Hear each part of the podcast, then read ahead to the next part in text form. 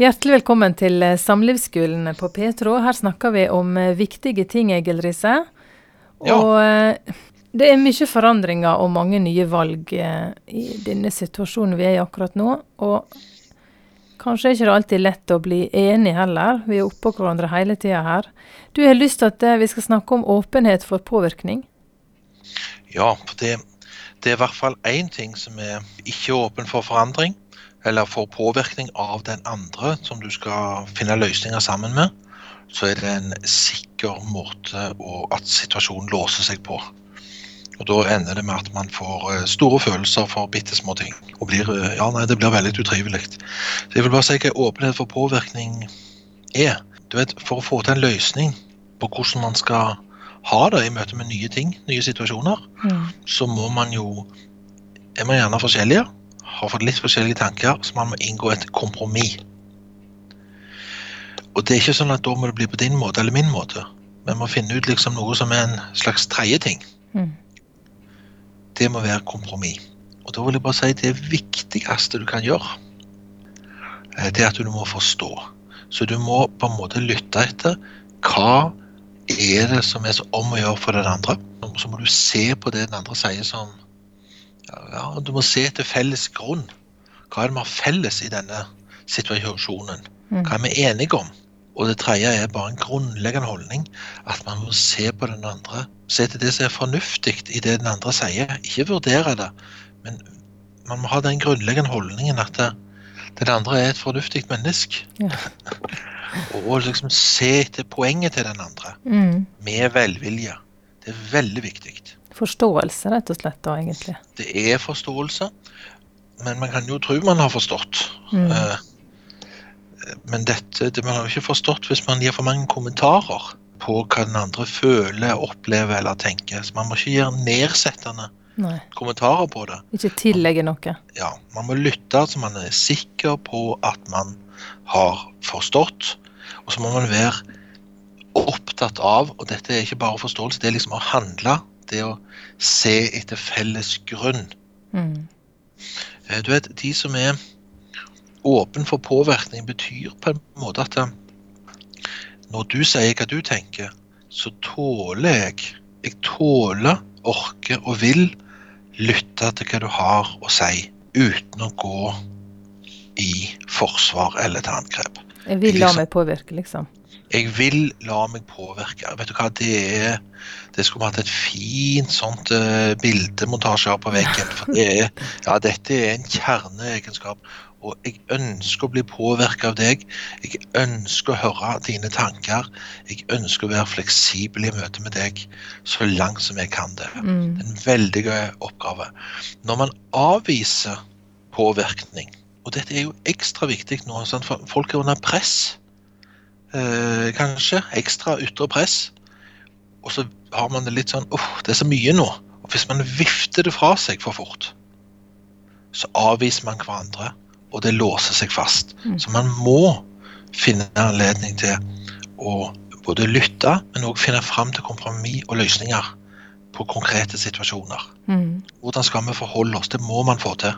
Å være lukka eller si nei til påvirkning, det er litt sånn husj eller, eller nedmuntring av at den andre skal si hva den andre tenker. Enten gjennom kritikk, en hardt, hardt snakk, kommentarer, nedsettende, nedjusterende kommentarer om den andres følelser eller forstand. Eller at man eh, bare går i forsvar og uttrykker det nærmest som at den andre er ute etter noe dumt eller er urimelig. Mm. Dette er veldig, veldig skadelig. Mm. Så noen, kan jo, noen kan jo være sånn at ja, men jeg bare er sånn. Jeg kan ikke noe for det. Hva vil du si til dem? De som bare er Jeg vet ikke helt, men noen kunne si i for, inn i relasjonen til, til ektefellen Jeg bare er sånn. Um, Men hvis man på en måte bare er sånn i møte med andre relasjoner òg man har i hverdagen, så tror jeg gjerne det er en liten test på Hvis man spør seg ville det fungert at jeg snakket sånn i møte med andre. Mm. Ville det fungert på jobben at jeg gjorde det på samme måte? Jeg hadde venner godtatt at jeg snakket sånn til dem. Liksom, for å få litt sånn mm. Behandle den andre på en fin måte nå. Mm. Eh, behandle den andre med respekt. Ta den andre på alvor. Ja, jeg tror det er det nærmeste jeg kommer et svar på det akkurat i dag. Mm. Så det å stoppe opp,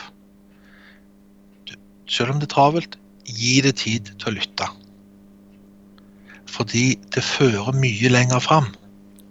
Hvis du bare prøver å få den andre til å slutte å uttrykke seg, eh, så det, det fører jo ofte til at eh, hvis den andre blir stille og ikke sier noe, så går det noen år, og så kommer det opp som en stor eh, krise.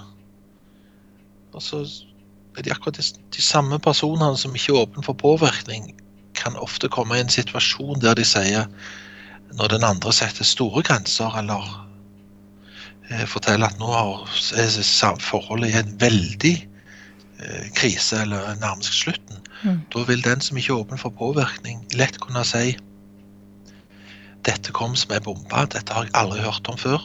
Hvorfor har du ikke sagt ifra? Så det at noe er stille, at noen gir seg, det betyr ikke at alt er bra. Jeg vil bare oppsummere.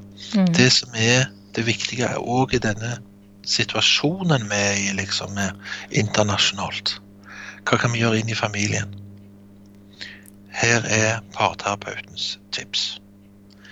Generaler må òg stoppe opp, falle til ro og tenke seg nøye om før de tar viktige valg. Alle store ledere må gjøre det. Det er måten å gjøre det på. Og sånn er det òg inn i parforholdet.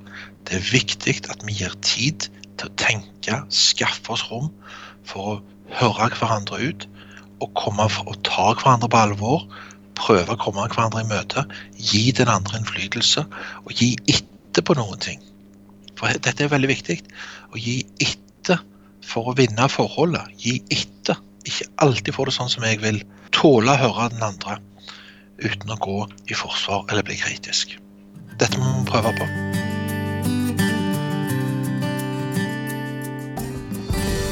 Hvis du eller dere som par eller familien trenger noen å snakke med, er Egil Riise åpen for samtaler. Familieterapeut og samlivsterapeuten arbeider over telefon og digitalt. Du finner kontaktinfo på risefamilieterapi.no.